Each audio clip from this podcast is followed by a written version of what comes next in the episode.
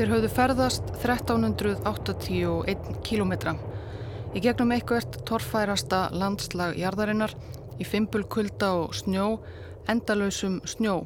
Þeir voru hraknir og veikburða, þreyttir á sál og líkama, hungraðir og magrir.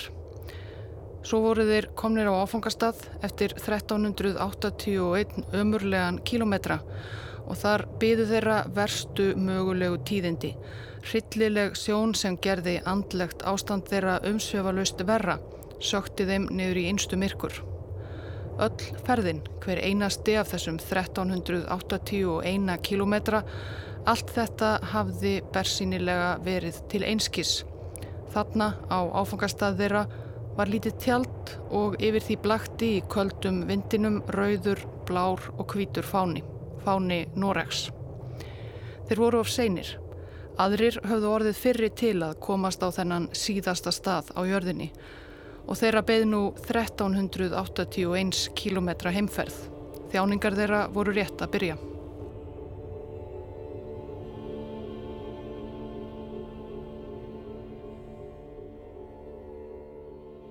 Á árunum í kringum þar síðustu aldamót fjall hvert víið í landkönnun á fætur öðru.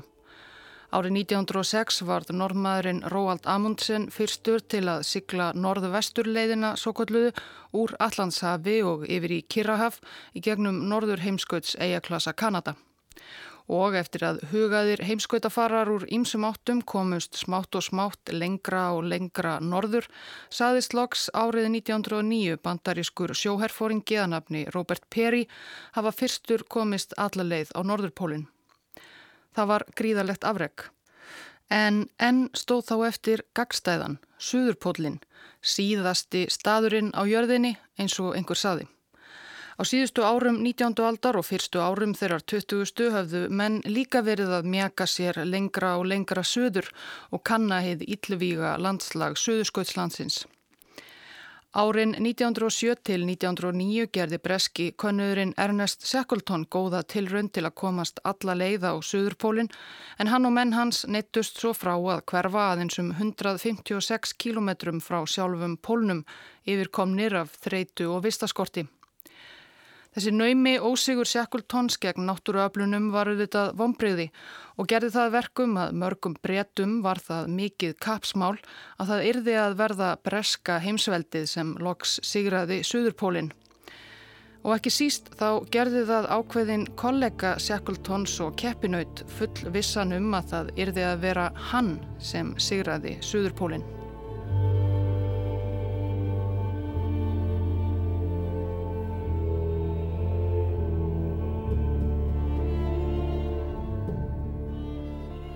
Robert Falcon Scott fættist 7. júni 1868 í Devon á Englandi, sjötta barn vel staðira foreldra, fadir hans átti brugghús sem hann síðar seldi fyrir væna uppæð og inn í fjölskyldu þar sem laung hefð var fyrir herþjónustu. Fjörmarkir ættingar hans höfðu verið í hernum og strax sem smástrákur var Robert Littli Falcon settur í undirbúningsnám fyrir sjóherþjónustu. Hann gekk svo í herin þegar hann var 13 ára 1881 og sildi fyrst sem messagutti 15 ára. Hann þótti metnaðargjarn og ákveðin piltur og reys nokkuð öruglega upp metorðastigan næstu árin. 26 ára 1894 var hann orðin officer. Sama ár tókst föður hans að tapa fjölskyldu auðafinum. Á næstu þremur árum létust svo bæði fadirinn og bróðir Scotts og það lendi þá alfarið á aukslum hans, Roberts Falcon Scott, að sjá fyrir bástatri móður sinni og systrum. Hann var því kannski skiljanlega ólmur að ná sér í aðra stöðuhækkun og herri laun en það var hart barist um hverja yfirmann stöðu í sjóhernum og ættíð fjöldinallur af efnilegum ungum mönnum eins og honum um hituna. En eitt var vitað að væri ágætlið til að tryggja sér herri stöðu á þessum tíma. Það var að bjóða sig sjálfviljögur fram til verkefna sem voru einhver þau ömurlegustu og hættulegustu sem sjóherin hafði upp á að bjóða, nefnilega heimskautaferða. Það var þó algjör tilviljun að skott í fríi og spássi í Lundunum í júni 1899 rakst á Clements Markham, forsetta konunglega landfræðifélagsins á Götuhorni. Þeir fóru að spjalla og Markam nefndi það að konunglega landfræði félagið heiðist standa fyrir vísinda leiðangri til Suðursköldslandsins. Skott hafði engan sérstakann áhuga á heimskautaferðum, raunar alls engan, en þarna sá hann tækifæri og strax þarna á götuhorninu bauð hann sig fram til að leiða leiðangurinn.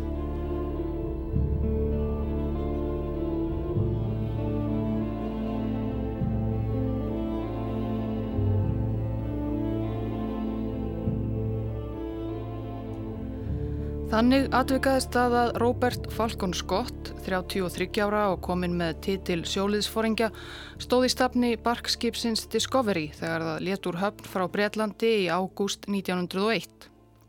Þetta var fyrsti ofinberi leiðangur breyta á suðurskautið í um 60 ár eða frá því að kafteitnin James Clark Ross kortlagði Ísrönd suðurskautslandsins á árunum 1841 til 43. Síðan höfðu fáir hætt sér á þessar köldu slóðir áratugum saman þar til nú þegar áhugi manna á suðurslóðaferðum var sífælt að aukast. Markmið leiðangurs skott á Discovery var að fara í land og upp á ísbreyðuna og gera þar ímsar vísinda og vettvangsrannsóknir. Um borð voru nokkrir vísindamenn af ímsum sviðum en auk þess að ferðast um og kanna landið sem enn var að miklu leiti ókortlagt og óþægt. Discovery kom að Suðurskautslandinu í áspyrjun 1902 og varði vetrinum, það er Suðurskautsvetrinum okkar sumri, umlugt hafís í flóa í McMurdo-sundi, ekki langt frá þar sem nú er inn bandaríska McMurdo rannsóknarstöð og þar sem er sæmileg höfn af náttúrunar hendi. McMurdo þessi var annars lautinandum borði í öðru af skipum Bretans Ross. Þegar svo voraði í november 1902 fór Skott sjálfur út á Ísin á samt tveimur manna sinna, lækninum Edvard Wilson og 27 ára gömlum sjóara af kaupskipi sem hafi bóðið sig fram sjálfviljugur til leðangursins. Það var maður að nafni Ernest Shackleton. Mennirnir þrýr fóru á hundasleðum og hafðu það markmið að komast eins langt suður og mögulegt væri, helst alla leið á 90. breytargráðum sjálfan Suðurpólinn. Annars þetta notast við hundasleða og þar til gerða síberíska sleðahunda var ábending sem Skott hafi fengið frá einum reyndasta heimskautafara sem þá var uppi og var einlega alltaf spurður ráða þegar komað slíkum málefnum, norðmanninum Frithjóf Nansen. Har du følt den store hvite stillhet? Våget det ukjent? Trådt det utrådte veier? Merket kartets hvite flekker? Har du savnet sultet, seiret, voksið störri det hele storhet. Nansen, einn af örfáum personum í þessari sögu sem til er upptaka af tala, því heyrum við smá af henni hér þó hún sé öllu yngri en þessir atbyrðir eða frá 1928. Hann var fættur 1861 í Oslo og því bara sjö árum eldri en skott en átti þegar að baki glæstan feril sem könnuður. Hálpartinn alin upp á skýðum enda norðmaður hafði hann farið fyrstur manna yfir Grænlandsjökul 1888 á gunguskýðum og vakið um leið alþjóðlega aðtikli á þessu fyrirbæri skýðum þegar það voru varla aðreira en skandinavar sem kunnu að nota slíkan búnað.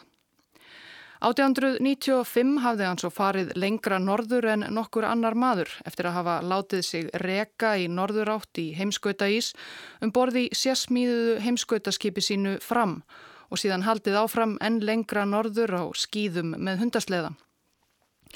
Þegar þarna var komið sögu var Nansen búin að leggja skýðin að mestu á hilluna en var bæði norsk þjóðhetja á alþjóðlegt autoritetum ferðalög í miklum kulda, snjó og ís og talaði þá yðurlega máli sinna norsku skýða og sömuleiðis sleðahundana sem frumbyggjar á norðlægum slóðum notuðjú til samgangna.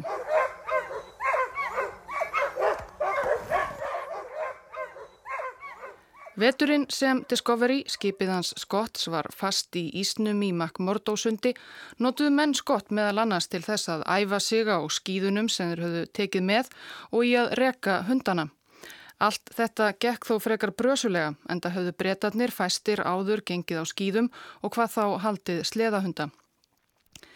En sum sé þegar voraði í november helt Skott sjálfur einhverja síður út á Ísbreiðuna og samt lækninum Edvard Wilson og áður nefndum Shackleton.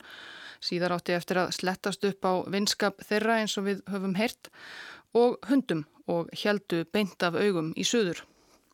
Það var erfið ferð og fljótt komi ljósað mennirnir höfðu litla stjórn á hundunum.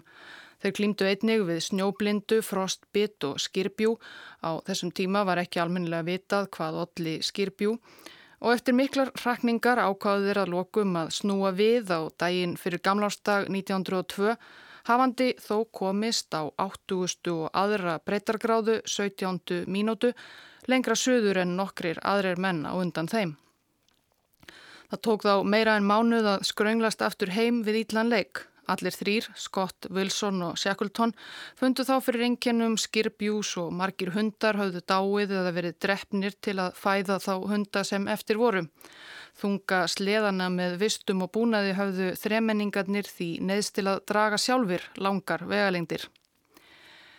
Þrátt fyrir þessi leiðindi öll höfðu Discover leiðangursmenn aðra vetursetu þar síðra og heldu áfram mýmiskonar vísindaransóknum þó ekki væri lagt í aðra tilraun á pólinn. Þeir snýru svo loks aftur heim höstið 1904, hlanir sínum og fróðleik um Suðsköldslandið. Robert Falcon Scott fekk stöðuhækkun í sjóhernum og gerður að kafteini og hann varðað auki fyrir djarfa tilraun sína til að komast á pólinn að mörgum áleitin bresk þjóðhetja.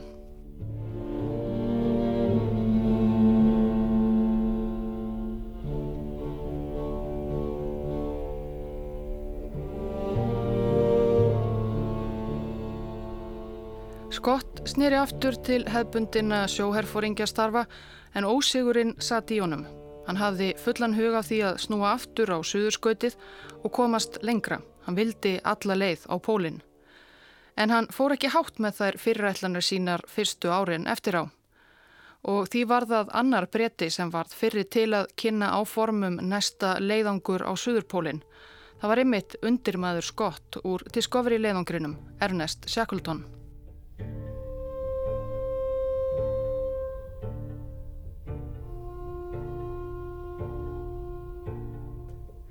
Shackleton hafði verið svo ítla haldinn af skirbjú þegar þeir Scott og Wilson sniru aftur úr sleðaferð sinni löngu út á Ísbreðuna að Scott afriðað að senda hann heim til Bretland sem borði vistaskipi sem vitjaði leiðangur sinns í Makmurdo sundi snemma árs 1903.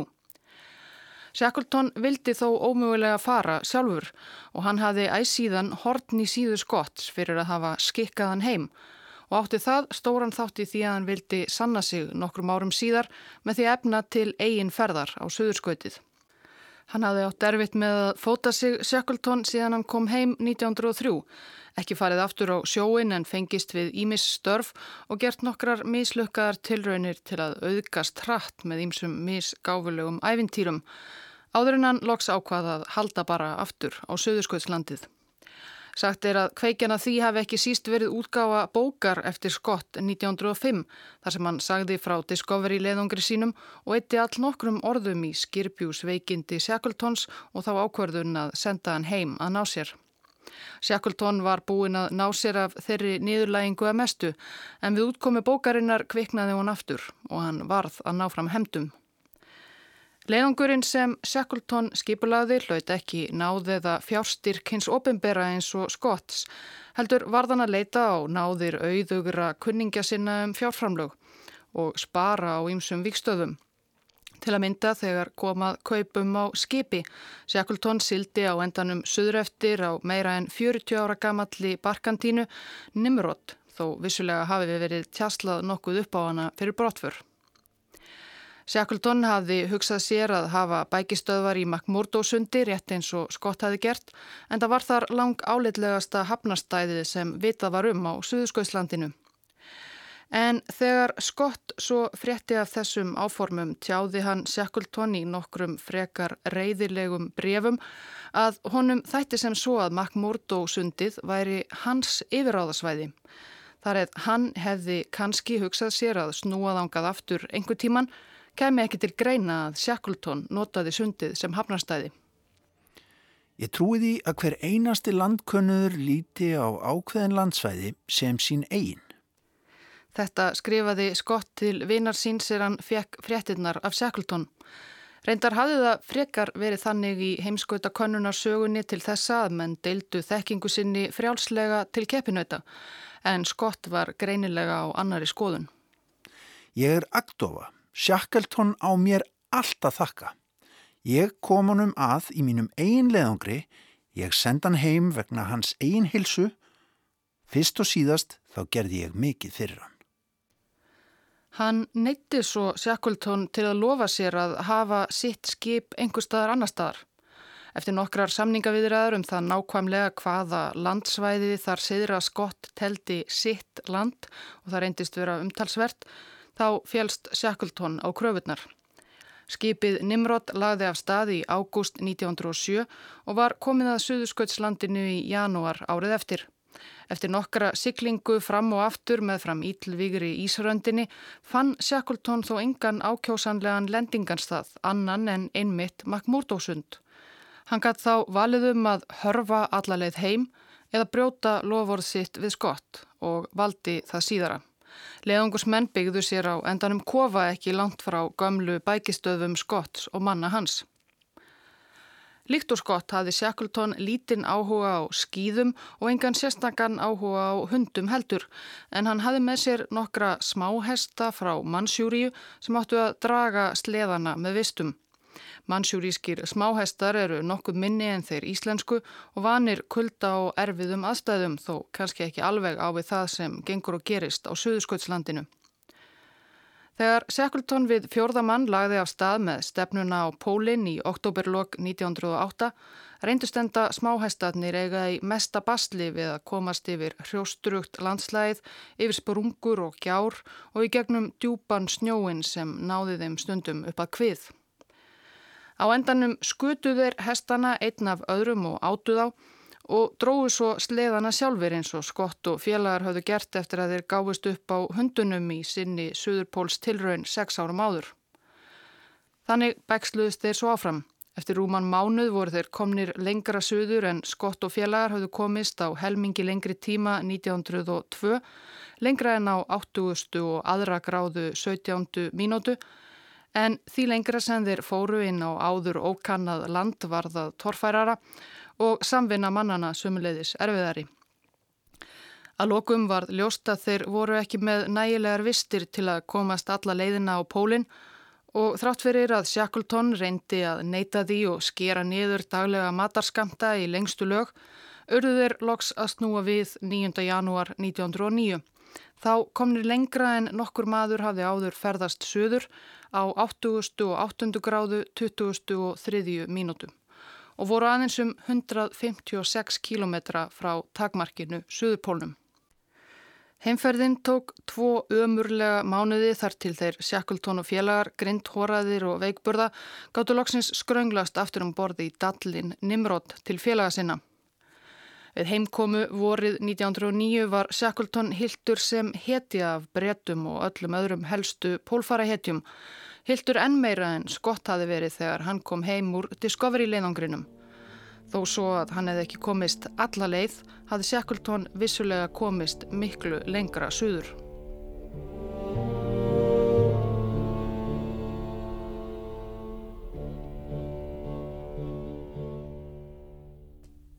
Það var þó einn sem var ekki sérlega gladur þegar Shackleton kom heim, Robert Falcon Scott, en það leita hann enn svo á að Shackleton hafi með leiðangri sínum verið að seilast inn á hans eigin yfiráðasvæði.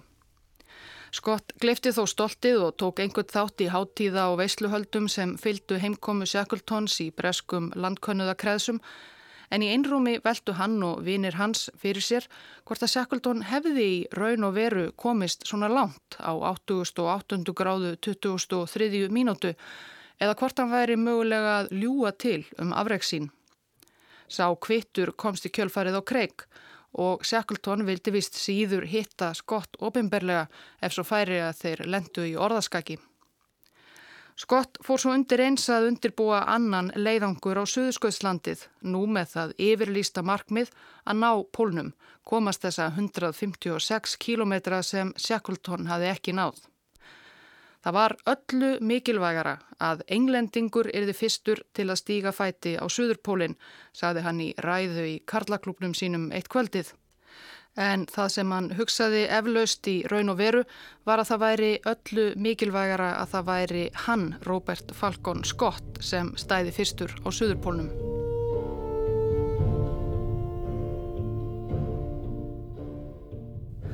Þrettánda september 1909 tilkynnti Scott formlega að hann ætlaði að snúa aftur Suðurábóin og Höfuð markmið leiðangusmýns verður að komast á Suðurpólinn og tryggja breska heimsveldinu heiðurinn af því afregi.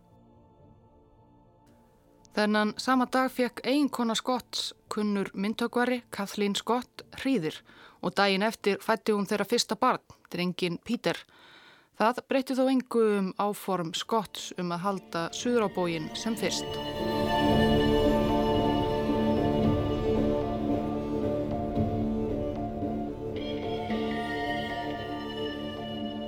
Skip Skotts í fyrri leðangrinum Discovery hafi verið sérsmíðað sem heimskauta skip með nöystikkum skrokki til að þóla pressu hafísins. En við heimkomu var Discovery selt upp í skuldir og var orðið að ofurvenjulegu flutningaskipi á Allandshafi þegar Skott fór að skipuleggja næsta leiðangur sinn. Nýr eigandi Discovery vildi ekki selja það aftur svo að Skott fjárfesti að lókum í skosku þrýmastra kvalveðiskipi með gufuvél, Terra Nova. Það skip var þá næri 30 ára gamalt og hafði mátt þóla ímislegt á kvalamiðum við Labrador. Mun enn hafa lagt af því stæka lýsislikt þegar Skott fekk það afhend. Og skipasmiðurinn sem átti að sjá um að lappa upp á Terra Nova og styrkja skrokk þess mun hafa fengið vekt áfall þegar hann sá hvaða dallur þetta var í raun. En hann hófst handa og þurfti að hafa hraðar hendur. Skott ætlaði nefnilega að leggja af stað strax um sumarið 1910 Það voru bara nýju mánuðir til að undirbúa leiðangurinn þó venjan væri að slík skiplækning tæki já, yfirleitt um tvö ár eða svo. Áætlun Skotts var fyrst og fremst að feta í fótspór Shackleton sem komast alla leið á pólinn. Hann ákvaða að nota svipaða ferðamáta á Shackleton, harðgera smáhesta til að ferja þingstu vistirnar fyrsta spölinn en stemdi að því að pólfararnir dræjus og sína sleða sjálfur þegar lengra var komið. Sleðahundar eruðu líka með í för en eftir Discovery leiðangurinn og hundavesennið þar hafði skott á þeim lítið álitt og ætlaði sér aldrei að notast við á að ráði. Stórluti af sjóðum skotts fór svo í mikla tækninýjung. Þrjá stóra velknúna beltasleða sem átti sömu leiðis að nota til að ferja vistir áfram. Shackleton hafði haft með sér frumstæða bifreið á suðurskautið í sinni ferð sem hafði ekki verið til mikil skaks en Scott hafði trú á því að öðru máli gengdi um þessa sérsmíðuðu sleða. Til að gera tilraunir með mótorsleðana við heimskautalegar aðstæður fór Scott með nokkrum mönnum sem hafðu þá þegar verið ráðnir til leiðangur sinns og eiginkonu sinni Kathleen til Norex í mars 1910. Undirbúningur hafði þá staðið í nokkra mánuði frá hausti 1909 og það stittist í áætlaða brottfur í júnibyrjun.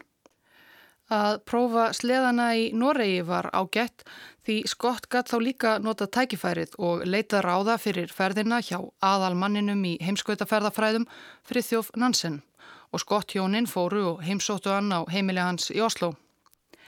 Fundurinn gekk brösulega Nansen var gestri sinn maður og ættíð reyðubúinn að veita ráðleggingar um heimskautamál en kunni ekki sérstaklega vel við skott og leist einstaklega ítla á ferðáallunans. Hann skildi ekki með nokkru móti hvað brettin hafði á móti sleðahundum til dæmis og hvað þá þeim ferðamáta sem hann fór sjálfur á yfir Grænlandsjökul með slíkum glæsi brag, skýðum. Svo vildi til að nokkrum vikum áður hafi annar maður knúið dýra hjá Nansen í leitað ráleggingum fyrir fyrirhugaða ferð á Suðsköldslandið. Það var ungur normaður að nafni Tryggve Gran, bara 21 árs en þó með háleit áformum að skipuleggja sinn eigin leiðangur suður.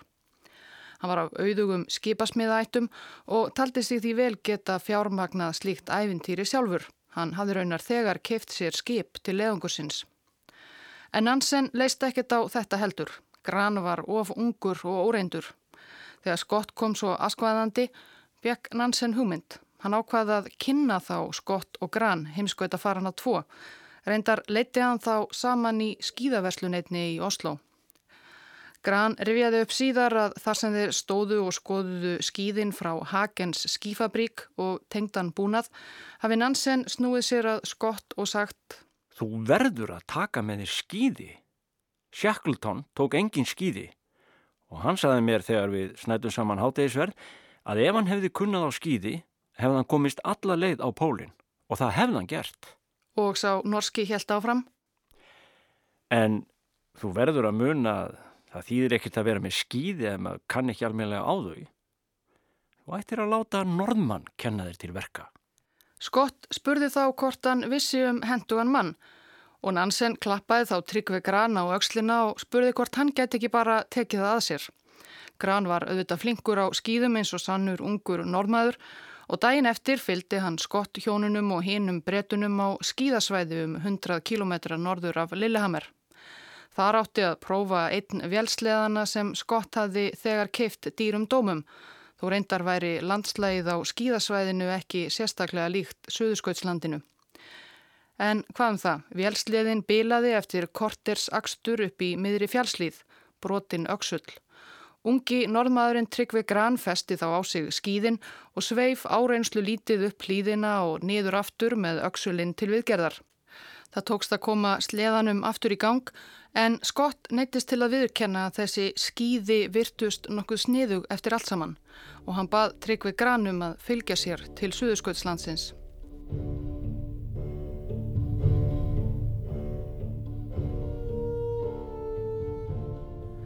Vélsleðin hafði annars almennt ekki virkað sérlega vel, jafnvel eftir að gert var við Öksulinn, en hvað um það?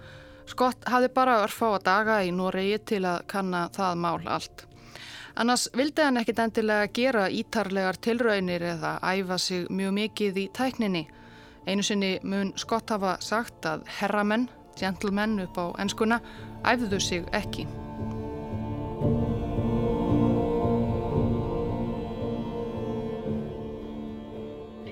En Skott vildi, fyrst hann var komin til Noregs, leita ráða víðar. Þegar hann var nýkominn til Oslo leta hann starfsmann á hotellinu sínu ringja í hinn helsta heimskautafrömuð norðmanna, Róald Amundsen. En eins og skott og alþjóð vissi var hann þá ymmit langt komin með að undirbúa sinn næsta leiðangur á norðurpólinn í fótspor Nansens. Hann hafði meira segja fengið fram heimskautaskip Nansens lánað til ferðarinnar. En Amundsen reyndist ekki vera heima. Þegar Tryggve Gran hafi bæst í hóp leiðangursmanna nokkrum dögum síðar, reyndi hann og að ná tali af Amundsen með litlum árangri. Að lokum fóru þeir Skott og Gran saman að heimili Amundsens úr Ranienborg innarlega í Oslofyrði. Þar tók á mótið þeim eldri bróðir landkönnaðarins Gustaf Amundsen. Sangat frásögn Grans saði Gustaf að bróðir hans hefði vitað því að von væri á Skott í heimsókn og því skildi hann ekkert í því hvers vegna Róald væri ekki komin heim, nýja vissi hann hvert hann hefði farið. Gran og Skott byðu í klukkustund í Uranienborg en heimskautafarin frægi leti ekki sjá sig svo þeir heldu aftur til Osloar. Það var það að hafa það. Robert Falcon Scott var það að setja sig við að halda á Suðurpólinn án þess að hafa nokkuð tíman hitt Róald Amundsen.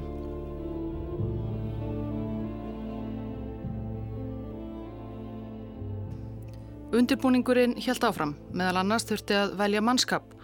Þegar áform skott sem nýjan suðurskauts leiðangur voru tilkynnt, bárust honum að endingu um 8.000 umsóknir. Að lokum urðu 65 menn fyrir valinu. Heldur mikill fjöldi með að við fyrri leiðangra af þessu tægi, en það var þetta engin venjulegur heimskautla leiðangur, í raun og veru heldur stórsókn á suðurskautið. Mennetnir komu úr ímsum áttum. Leiðangurinn var ekki formlega á vegum breska sjóhersins en stór hluti leiðangursmanna kom þó úr sjóhernum með leifi yfirbúðara þar og skott sjóliðsfóringin hjælt líka uppi heraga eins og um herrferð værið að ræða. Þá voru fimm sem höfðu fyllt Shackleton á Nimrod árið áður og vildu strax suður aftur og sjö menn sem höfðu verið með skott í fyrri leiðangrinum á Discovery. Hans nánasti samverkamaður var læknirinn Edvard Wilson sem hafi farið með honum í áranguslausu tilraunina til að komast á pólinn í den og var nú skipaður yfir vísindadeild leiðangusmanna. Yfirlýst markmið Terra Nova leiðangursins var ekki bara að komast á pólinn þó skott gerði mest úr því, heldur líka að halda áfram vísindaransóknum á náttúru, dýralífi og veðurfari þar siðra. Meðal leiðangusmanna voru nokkrir reynslu litlir ungir menn sem einhvað síður fengu að koma með þar sem þeir voru efnaðir og gáttu borgað með sér í sjóð leiðangursins yfirleitt þúsund pund eða um 15 miljónir íslenskra króna á núverði. Meðal slíkra sjálfbóðaliða var meðal annars einn af yngstu leiðangusmönnum herfóringasónurinn Apsli Terry Garrard sem átti síðar eftir að skrifa fræga bók um reynslu sína. Hann var 24 ára þegar lagt var af stað en yngri var auðvitað norðmaðurinn Tryggvi Gran sem átti að kenna allri hersingunni að ganga á skýðum á arfáum vikum 21 árs. Skott sagði alltaf að versti hluti hvers leiðangurs værað baki þegar undirbúningnum var lokið. Svo það var án Eva með létti sem hann horfi á eftir Terra Nova sigla frá Cardiff út á Allandshafið 15. júni 1910. Svona lísti ungi herfóringasónurinn Apsli Thierry Garrard í síðar í bóksinni þegar uppálappaður kvalveði dallurinn Terra Nova lagði úr höfn eins og tilstóð 15. júni 1910. Undirbúningnum var þá reyndar ekki alveg lokið en það var skott ekki um borði í kvalveði dallinum þegar hann sildi frá Cardiff. Hann var enn að gera og græja, það þurfti að sapna peningum og það var enn verið að útvega ímislegt mikilvægt, til dæmis smáhæstana. Það kom í hlut leiðangusmannsins Cecil Mears að fara til Mansjúriu að útvega hestana. Mears var einn af þeim sem hafi borgað með sér þúsund pund. Hann var almennur ævintýramaður sem hafi ferðast víða og meðal annars unnið fyrir sér sem feldsali í Sýberíu. Hann hafi líka nokkra reynslu af sleðahundum þaðan og var honum því falið að kaupa bæði hundana og hestana þar eistra. Því miður reyndist hann ekki hafa eins mikið vit á hestum og hundum. Einu fyrirmælinn sem hann hafði frá skott var að kaupa kvíta hesta. Hann hafði heyrtað í leiðangri Shackletons hefðu kvítu hestarnir tórað lengur en þeir dökku og dró skott af þessu þá undarlegu álegtun að kvítir smáhestar hlitu á einhvern nátt að vera betri. En úrvalið af kvítum hestum á markaðnum í Harbin í Mansjúrju reyndist lítið og dýrin 20 sem Mírs loks kefti reyndust flest ómögulegar gamlar byggjur en það allt átti eftir að koma betur í ljós síðar.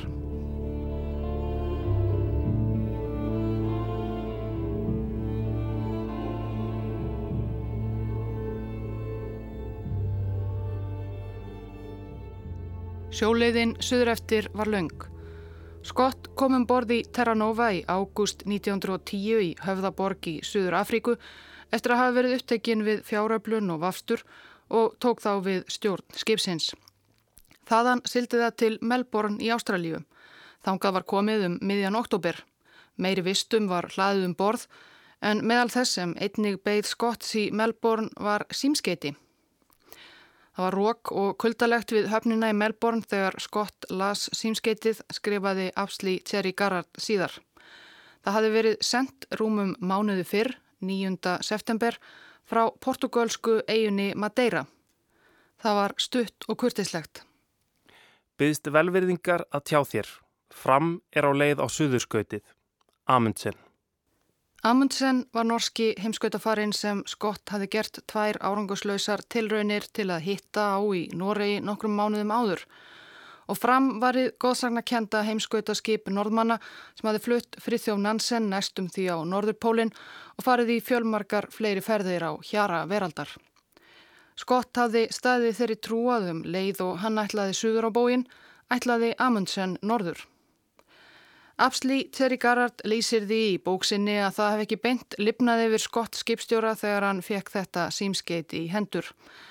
Hann reyndar sagði fáum frá því strax því það rann fljóttu fyrir honum hvað þetta stutta skeiti þýtti. Amundsen hafði gappaðan. Hann og fram voru ekki að fara norður heldur suður og ferð skotts á suðurpólinn var ekki lengur bara leiðangur, þetta var kapplaup.